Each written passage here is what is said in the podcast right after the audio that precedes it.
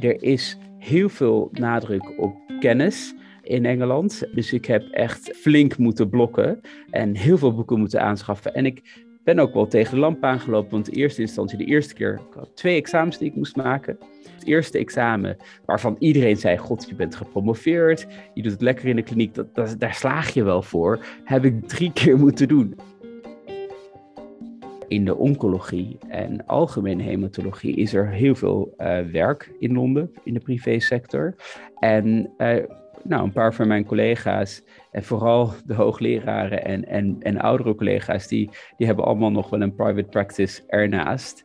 Um, waar ze ja, in het weekend, s avonds, overdag uh, patiënten zien. Een groot aantal Nederlandse artsen werkt een bepaalde periode van hun leven in het buitenland. Ik wil weten, wat drijft deze mensen over de grens en waar lopen ze tegenaan? Ik ben Danka Stuiver, huisarts op Aruba en columnist. In samenwerking met het Medisch Contact zal ik in deze podcastserie Nederlandse artsen interviewen die wonen en werken in het buitenland. We gaan het hebben over hun persoonlijke overwegingen, hun belevenissen en over de positieve en negatieve kanten van hun vertrek. Weg bij familie en vrienden, weg uit de comfortzone, over de grens naar een onbekend land met een andere cultuur en taal en een ander zorgstelsel. Vandaag ga ik vanuit Aruba in gesprek met Sudesh Sivapalaratnam. Wij leerden elkaar kennen tijdens onze promotietijd bij de vasculaire geneeskunde in het AMC en gingen daarna allebei een andere kant op. Sudesh is inmiddels hematoloog, woont en werkt in Londen, waar hij ook wel eens ging borrelen met niemand minder dan Marcel Levy. Maar dat terzijde. Sudesh, welkom. Dank je. Jij startte de opleiding interne geneeskunde in Nederland, um, maar toen ontmoette jij je, uh, nou ja, inmiddels vrouw en werd jij uh, grenzeloos verliefd. Vertel eens, wat, wat is er gebeurd?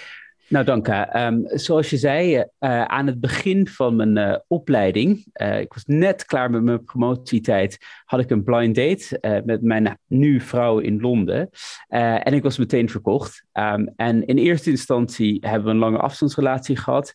Ik in Amsterdam, zij in Londen. Later zat ik nog eens in Boston en zij nog steeds in Londen. maar na drie jaar latten en op dat moment ook getrouwd te zijn, wilden we toch wel graag een gezin beginnen.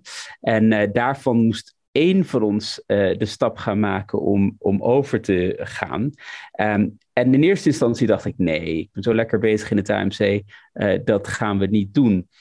Dus Brenda heeft in Amsterdam geprobeerd iets te vinden, in Rotterdam, maar het was eigenlijk niks wat precies paste. En toen dacht ik, god, um, hoe gaan we dit nou oppassen, uh, oplossen? En um, toen heb ik met mijn opleider gesproken en ik zei, ja, mijn opleider is een uh, uh, Suzanne Geerlings destijds, een vooraanstaande internist, bijna hoogleraar. Ik zei, Suzanne, ja, soms moet een man toch achter de vrouw aan. En uh, jij, Suzanne, als carrièrevrouw moet begrijpen dat het niet altijd alleen maar om de man kan gaan. En uh, met dat uh, kon ze toch eigenlijk bijna geen nee zeggen. en, en, en hebben we samen een oplossing kunnen vinden voor, voor mijn opleiding.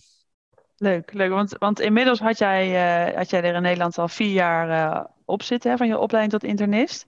Maar toch duurde het in Engeland nog uh, zes jaar voordat je jezelf hematoloog mocht noemen. Hoe, hoe kwam dat? Nou, in, in Engeland is um, de, de, hematologie net iets anders geregeld. Dus um, je, je, bent uh, internist omdat je je MRCP's doet.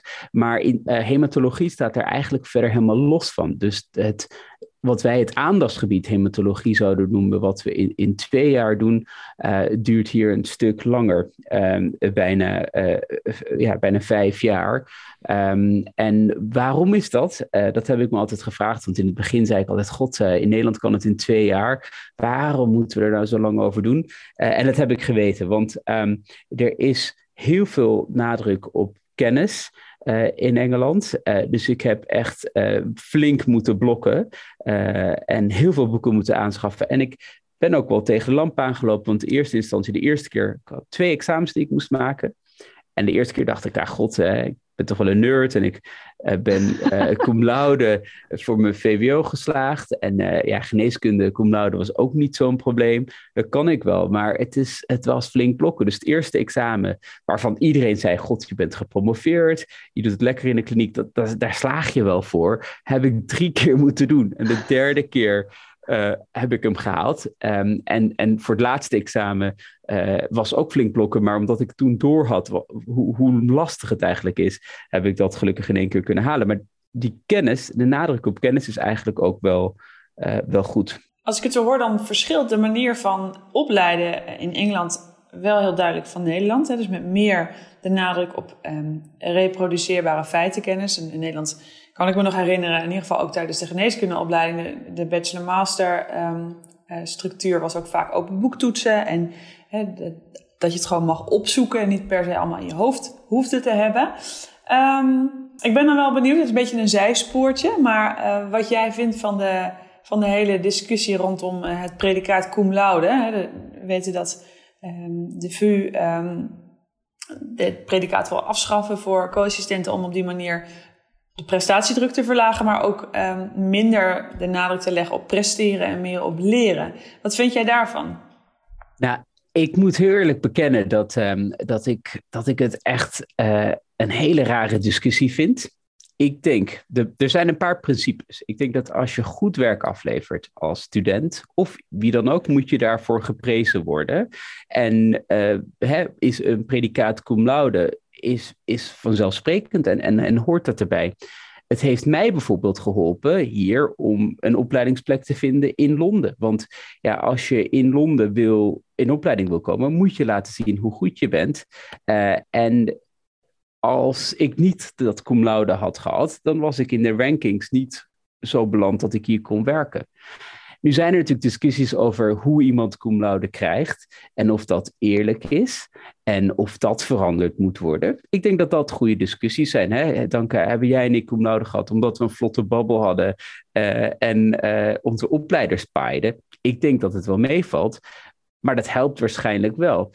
Maar om nou om nou voor iedereen cum laude af te schaffen, omdat je zegt, ja, sommige mensen die halen het niet of iedereen kan het niet halen, ja, dan moet je kijken naar hoe de opleiding in elkaar zit en hoe je dan de mensen kan oppikken die dat cum laude verdienen.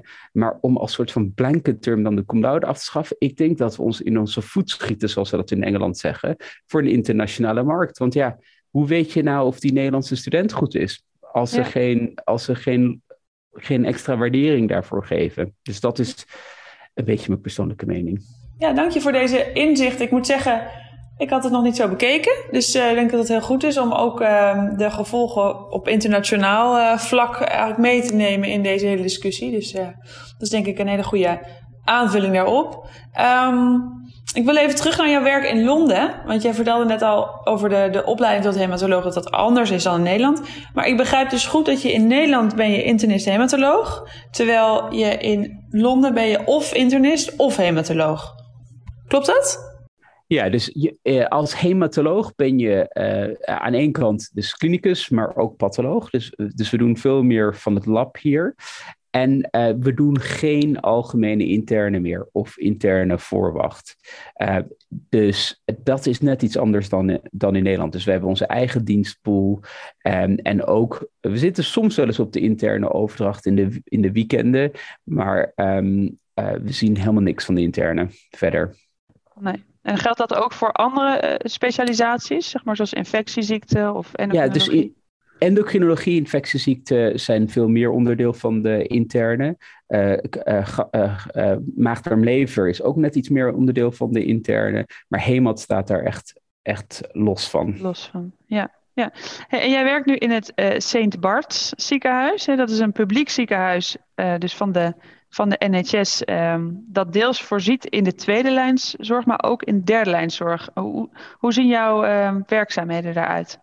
Er zijn twee grote locaties, uh, Barts, um, uh, daadwerkelijk Barts en de Royal London. En ik werk dan uh, in de Royal London. Want de afdeling hematologie is gevestigd over twee locaties. Ah. Dus de hemato-oncologie, de transplantatie, um, gebeurt bij Barts. We hebben ongeveer, um, pak een beet, 70 bedden voor hemato-oncologie. En dan hier op mijn locatie doen we de niet, uh, of de benigne hematologie, dus de hemofilie, de trombose, de sikkelcel en de algemene hematologie. En we hebben hier de eerste hulp. En dan hebben we ook nog perifere ziekenhuizen waar meer uh, ja, dagelijkse hematologie uh, polies zijn en ook dagbehandelingen. Dus het is net iets anders. Het is iets groter opgezet, maar het heeft inderdaad ook ehm, voordelen, maar ook nadelen. Want als een patiënt die aan de chemo is uh, naar de eerste hulp moet, dan is er geen eerste hulp bij Bart. Dus dan komen ze altijd via ons of een ander ziekenhuis uh, eerst binnen. En mijn werk richt zich voornamelijk op de hemostase en trombose. Dus toch eigenlijk een beetje de vasculaire geneeskunde van vroeger. Uh, en um, ik ben uh, een van de um, hemofiliebehandelaars hier in, in Londen. Voor kinderen en volwassenen. Dus dat is hartstikke leuk. Ja, dus dat is ook anders. Hè? Dus je, je, doet niet alleen de volwassenzorg zoals in Nederland zou zijn. Nee, zou zijn nee geweest, dus ik heb, de kinderen. Ik heb um, in mijn opleiding relatief veel kindergeneeskunde gedaan en kinderhematologie, omdat ik dat ook heel leuk vond. Maar dat is dus ook mogelijk. Uh, en dat vind ik hartstikke leuk aan het vak hier, dat je dus die beide aspecten kan doen. Ja, vaak klinken de, verhalen. Ik heb eh, recent gesproken ook met een huisarts in Londen over de, de wachttijden in de NHS. En dat lijkt me voor een verdenking op bijvoorbeeld een leukemie of een lymfoom uh, toch behoorlijk onacceptabel. wat merk je daarvan? Nou, de, de, de polies in het algemeen zijn heel druk. Dus uh, de uh, hemato-oncologische polies die stromen over. Um, maar um, daardoor moet je heel snel patiënten zien. Dus je hebt niet uitgebreid de tijd uh, om patiënten te zien. maar ik denk dat daar dus dat kennisaspect wel helpt. Hè? Want ja, de richtlijnen die zitten allemaal in mijn hoofd en je kan flink doorpakken het is wel zo dat in de, aan de oncologiekant, um, ondanks dat uh, huisartsen het heel druk hebben en de ziekenhuizen het heel druk hebben, ze hebben iets dat heet een two-week wait. Dus als een huisarts denkt dat iemand een maligniteit heeft, moet dat binnen een bepaalde tijd, uh, moet die patiënt verwezen zijn en diagnostiek hebben gestart, want anders krijgen we boetes. Ja. Nou, uh, dus dat is denk ik wel heel goed en dat is een heel goed systeem. soms wordt er wel eens misbruik van gemaakt, maar over het algemeen niet. Uh, en vinden mensen toch zo uh, heel snel uit, uh, of vinden ze wat ze hebben en, en wat de behandeling daarvan is. Wat, hoe kan je daar misbruik van maken dan? Nou ja, weet je, als iemand een, een lymfkliertje heeft oh. en verder een beetje moe is, ja, dan is het heel weinig heel onlogisch dat dat nou uh, een heftige lymfoom is. Dus dan worden mensen toch nog in die two-week wait ingestuurd. Want ja, uh, als je voor een kliertje voor iets anders naar het specialist wil, dan duurt dat inderdaad heel lang. Ah, um, dus dat is het. En, en voor, voor mijn polies, dus de hemofiliepolie, eh, hebben we het best gerijks geregeld. Dus we hebben uh, wel wat wachttijd, maar we kunnen altijd ad hoc iemand zien op de dagbehandeling. Um, dus dat is, dat is net iets anders. Ja, en um, we hebben natuurlijk ook gehoord over de, de private zorg in Engeland, die ook welig tiert. Um, de zorg die jij biedt in jouw ziekenhuis, wordt die in Londen ook in privéziekenhuizen aangeboden? Nou, dus uh, de hemofiliezorg eh, wordt niet privé aangeboden. En dat heeft ermee te maken dat, uh, dat de producten vrij duur zijn. Dus in onze praktijk van ongeveer 1800 patiënten met, met een bloedingsziekte um, geven we ongeveer 600.000, 200.000 pond per maand uit aan, aan factor.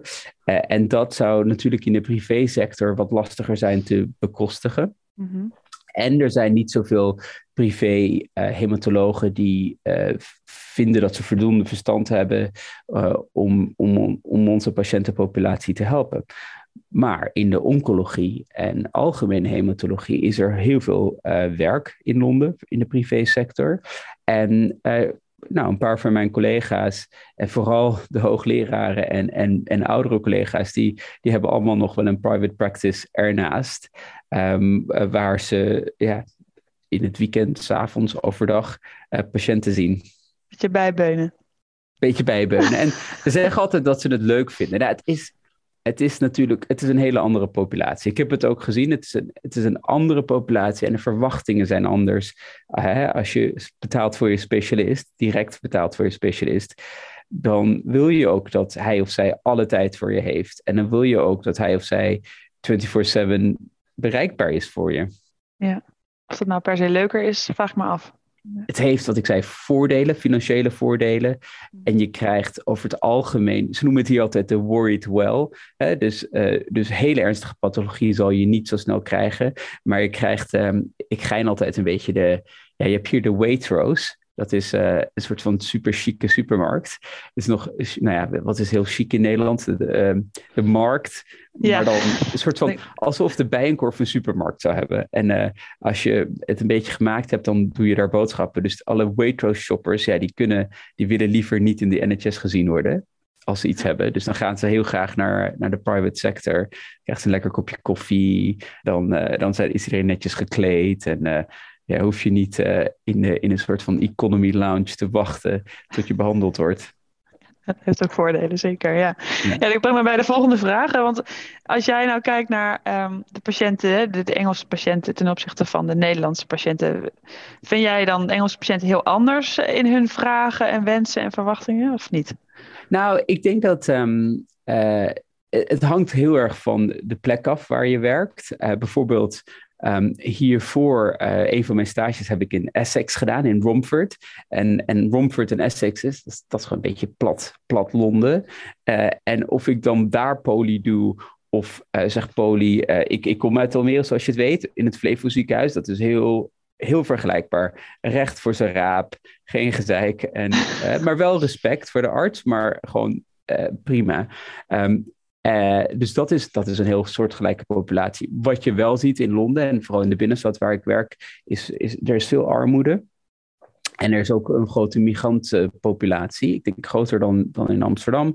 Dus dat moet je wel inderdaad meer meenemen. Dus in, in dat opzicht verschilt het.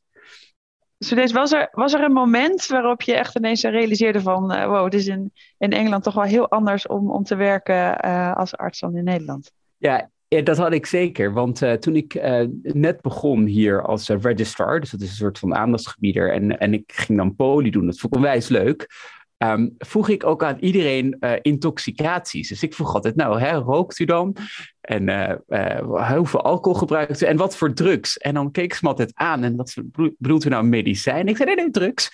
want ik was toch wel gewend in het AMC, in, mijn anamnese, te vragen naar drugsgebruik. Um, en op een gegeven moment toen, zei, toen zei mijn baas, ja, ja, het is toch net iets anders dan in Nederland. Dus misschien raak ze een beetje in de war als als de poly um, uh, registrars naar drugsgebruik vraagt. Dus die, die vraag zou ik, zou, ik maar niet, uh, zou ik maar niet meer stellen. Dus dat vond ik wel geestig.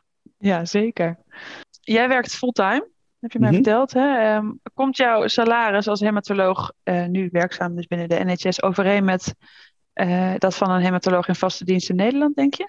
Nou, ik denk dat um, als je het zou vergelijken met een, een AMS, of academisch medisch specialist, komt het in de buurt. Uh, ik kan heel eerlijk zijn, hè, mijn startsalaris als medisch specialist was 83.000 pond per jaar.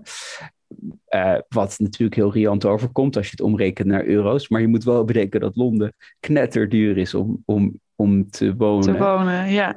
Um, dus het is in bedrag vergelijkbaar, maar de, de, de, je levensstandaard is minder hier als je het puur specialistensalaris doet. En de in de private practice wordt er heel goed verdiend, maar dat is een heel klein deel van de specialisten wat dat doet. Het merendeel van de specialisten zit op mijn inkomen of iets meer. En dat is natuurlijk veel minder dan de meeste specialisten in Nederland. Ja, dus daarom beunen ze graag ook bij private, kan ik me voorstellen. Ja, bijvoorbeeld, ja. Ja, ja. Um, nou, inmiddels woon jij dus al een tijdje in Londen en, en jullie hebben twee mooie kinderen die tweetalig worden opgevoed, denk ik. Hè? Um, hoe is het familieleven in Londen? Nou, ik denk dat, dat het familieleven in, in, in Londen uh, hartstikke leuk is. En, en, en Londen is natuurlijk een hele grote stad, maar het bestaat eigenlijk uit allemaal dorpen die, die bij elkaar gegroeid zijn. Dus wij wonen in Londen, maar het is, hè, uh, als vrienden hier komen, dan denken ze dat ik zeg maar midden in, uh, weet ik veel, uh, Oxford Circus woon of, uh, of, uh, of op Kings Road. Kings Road is zeg maar het, het dichtste wat je bij Amsterdam-Zuid komt. Maar eigenlijk de mensen die bijvoorbeeld in Zuid zouden wonen of in de Watergraafsmeer, die wonen bij mij in de buurt. En het is al een uur van het centrum. Oh ja. Maar omdat je dus die dorp hebt, heb je wel een gevoel van gemeenschap. Dus we hebben heel veel groen in de buurt, heel veel park in de buurt. dat is leuk. Omdat er toch wat langere uren gedraaid worden hier. Door mij en door mijn vrouw uh, hebben we nanny. Want ja, dat, dat, dat moet helaas, of niet helaas. We hebben, is een hartstikke lieve nanny, maar de uren zijn wel, wel langer. Uh, en het andere wat altijd natuurlijk iets is, is dat er hier heb je privéscholen en, en overheidsscholen. En daar moet je dan een keuze in maken in welke van de twee je ze stuurt. En, en, en dat zijn de keuzes die je in Nederland niet meteen hebt. Ja, snap ik. Ja. Nou, aan het begin noemde ik al even um, dat Marcel Levy voor jou een goede bekende is. Hè? En um, nou, hoewel hij natuurlijk voor veel mensen in Nederland en ook door mij wordt gezien als een uh, ultieme adviseur en raadgever als het op uh, de gezondheidszorg aankomt. Heb jij hem ook wel eens van raad uh, voorzien? Klopt dat? Ja, dat klopt. Omdat, uh, nou ja, om te beginnen, ik weet niet of hij of die luistert, maar Marcel heeft mij ook wel flink begeleid. En het is ook wel, het is wel een eer om hem als mentor te hebben. maar wat wel interessant was toen hij zeg maar net naar, naar Engeland kwam. En ik, en ik was er al, al iets langer. Uh, de hiërarchie en de structuur van het ziekenhuis is heel anders. Uh, dus uh, te, bijvoorbeeld, wij noemen iemand een artsassistent. vanaf zeg maar dag één tot, tot het eind. Terwijl je hier allemaal verschillende rangen en standen van artsassistenten hebt. Dus dat is een van de dingen die, die, die, die ik hem toch wel een beetje heb uitgelegd. Um, en ook um, het andere is. Um, dat, dat hij soms niet helemaal door had waarom mensen bepaalde dingen zouden doen. Dus bijvoorbeeld, waarom zou je nou private practice doen in Londen? Of waarom zijn die artsassistenten soms zo hard aan het blokken? Want ja, en, en dat is natuurlijk wel leuk om, om, om die dingen uit te kunnen, uit te kunnen leggen uh, ja. over het Engelse systeem. Ervaringsdeskundige, ja. Um, hoe vond jij, uh, hoe was het voor jou als Nederlander om te, om te integreren in, uh, in Londen? Nou, ik denk dat dat ik in eerste instantie uh, had ik natuurlijk, ik had al wat vrienden hier, dus het, het, het soort van privéleven deel was prima. Um, maar wat ik wel gek vond aan werk is, je, je denkt dat je Engels begrijpt hè, en dat je, dat, dat, je, dat je de taal machtig bent, maar Engel, de Britten zijn zo subtiel met taal. Dat was voor een hork zoals ik, een Nederlandse hork, heb je dat gewoon in het begin helemaal niet door. Dan denk ik, ja, het is fijn, nou, prima, het is fijn. Of, uh, of nou, het is echt een beetje cliché, maar dan, dan, dan geven ze feedback en dan denk je, nou, het is allemaal wel goed. Maar dan nu denk ik, oh mijn god, het is maar goed dat ik niet doorhad wat ze eigenlijk probeerden te zeggen. Want ze zijn veel indirecter. Ja. En, en, en dat is wel iets waar ik, uh, wat ik wel heb geleerd. En, en ik merk dat ik dat zelf nu ook wat subtieler ben en meer nadenk over wat ik zeg. Uh, en de hiërarchie is anders, want ik dacht ook, oh, er is geen hiërarchie. Maar kom erachter dat die er wel is. Uh, en uh, ik word nog steeds wel eens, ik ben nu net een beginnend specialist, heel soms word ik wel eens teruggefloten. Want dan denk ik, ja, lekker, we gaan er gewoon voor. en dan zegt hij, nee, het werkt niet helemaal zo. Oké, oké, dus dan word je even, even teruggefloten in, in je rol. Ja. Mm -hmm. um, wat zijn jullie plannen voor de toekomst? Ik denk voorlopig, uh, ja, je weet nooit hoe dingen lopen. Hè? Als, je me, als je me zeg maar ongeveer elf jaar geleden had gevraagd, zal je over elf jaar specialist zijn in Londen? Had ik gezegd uh, nee, want uh, ik wist wel wat ik wilde doen in het AMC. Um, dus voor als dingen, voor als het er nu voor staat, blijven we lekker hier de kinderen hebben het naar een zin. Uh, mijn vrouw die heeft het naar haar zin. En ik vind het ook onwijs leuk om hier in Londen te kunnen werken. Uh, en ook die uitdaging te vinden in mijn, in mijn klinische werkzaamheden en, en mijn onderzoek. Of we nog een keertje naar een ander buitenland gaan, zoals jij. Uh, ik bedoel, als, ik die, als ik zie waar jij zit, dan, dan denk ik, ja, misschien is het ook wel leuk om een tijdje te zitten. Maar we hebben geen concrete plannen. even naar de zon. Nou, dat is natuurlijk wel weer uh, een voordeel van het hebben van een uh, UK uh, diploma. Dat Klopt. je op veel plekken op de wereld uh, makkelijker, relatief gezien, um, kan gaan werken dan wanneer je alleen een Nederlands diploma had gehad. Klopt, hè? Want, want de hele Commonwealth, hè, de, de, de oude kolonie, gaat dan opeens uh, open, inclusief. Australië en Nieuw-Zeeland is wat lastiger, maar er zijn wat routes inderdaad om daar te komen de VS blijft even lastig. Het is niet anders van hier naar de VS of vanuit, uh, de, vanuit Nederland naar de VS. Nee, nee, dat is wel weer een, eh, een losstaand iets, ja. ja.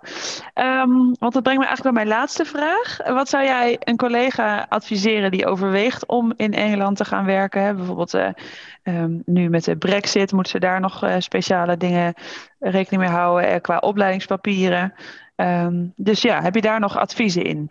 Nou, ik zou zeggen vooral doen, want ondanks de dingen waarvan ik zei van het is net iets anders, heel veel dingen werken wel hetzelfde. Hè? Dus het is, het is een systeem zoals wij een beetje kennen in Nederland. Dus hè, de, de, de, volgorde van patiënten zien, onderzoeken aanvragen is niet anders. En omdat er de NHS is, hoeven we ons ook geen extreme zorg te maken over welke diagnostiek je dan aanvraagt. Natuurlijk binnen de perken.